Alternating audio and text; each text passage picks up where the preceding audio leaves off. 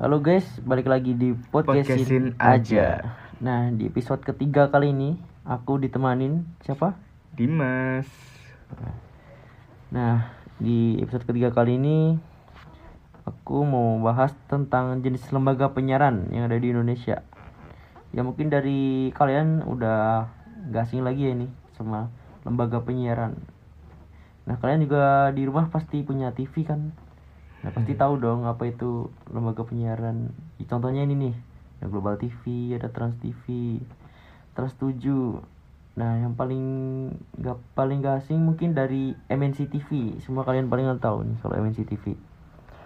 Nah, di lembaga penyiaran itu kan banyak tuh. Nah, di sini aku mau jelasin nih, kalau lembaga penyiaran di Indonesia itu terbagi menjadi empat. Nah, mungkin dari Dimas yang sedang menemani saya ini mau menjelaskan apa ada apa aja itu dari empat lembaga penyiaran yang ada di Indonesia.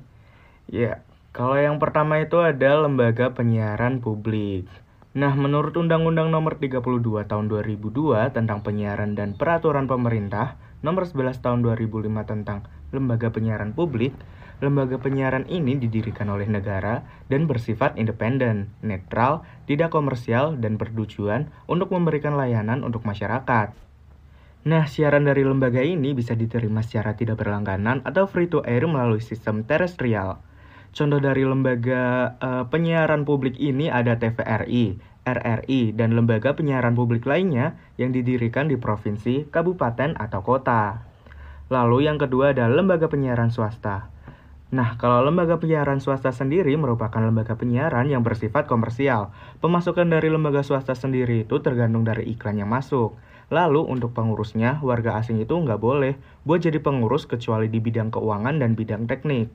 Nah, kira-kira contoh dari lembaga penyiaran swasta ini udah as- nggak asing lagi nih buat kalian. Yang pertama itu ada dari MNC TV ya, dari MNC Group itu. Udah banyak banget kayak dari RCTI, MNC TV, dan juga Global TV.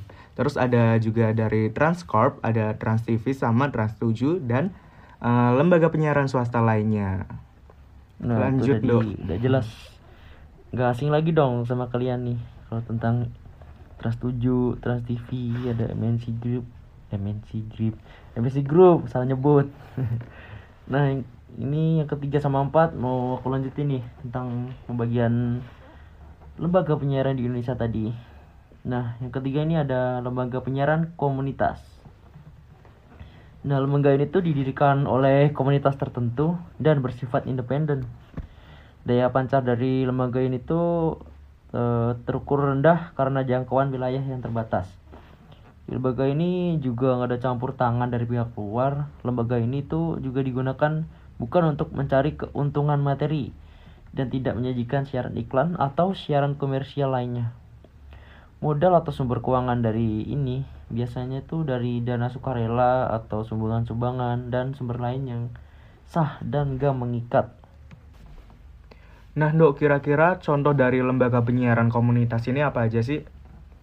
Nah, lembaga dari penyiaran komunitas nih. Nah, mau aku sebut- sebutin dari yang sekitar kita dulu aja ini. Ya, Misal dari Jogja nih. Dari Jogja tuh ada Delita TV dari Sleman nih. Kalau tahu. Terus dari kampus UPN tuh dia juga punya penyiaran komunitas sendiri namanya UPN TV. Dan dari Jogja ada lagi dari MJTV. Terus sekitar-sekitar Jawa tuh ada banyak sih. Ada televisi komunitas pendidikan Kijara, televisi komunitas Universitas Gunadarma, televisi komunitas Pensa, SEDC TV, Untirta TV, dan masih banyak lagi lah pokoknya penyiaran televisi komunitas di Indonesia ini. Tapi ya cuman kayak gitu-gitu aja. Susah emang kalau buat penyiaran televisi komunitas buat maju. Udah sih kalau buat televisi komunitas ya itu sulitnya di situ. Kalah saing mungkin sama yang swasta kayak gitu doang.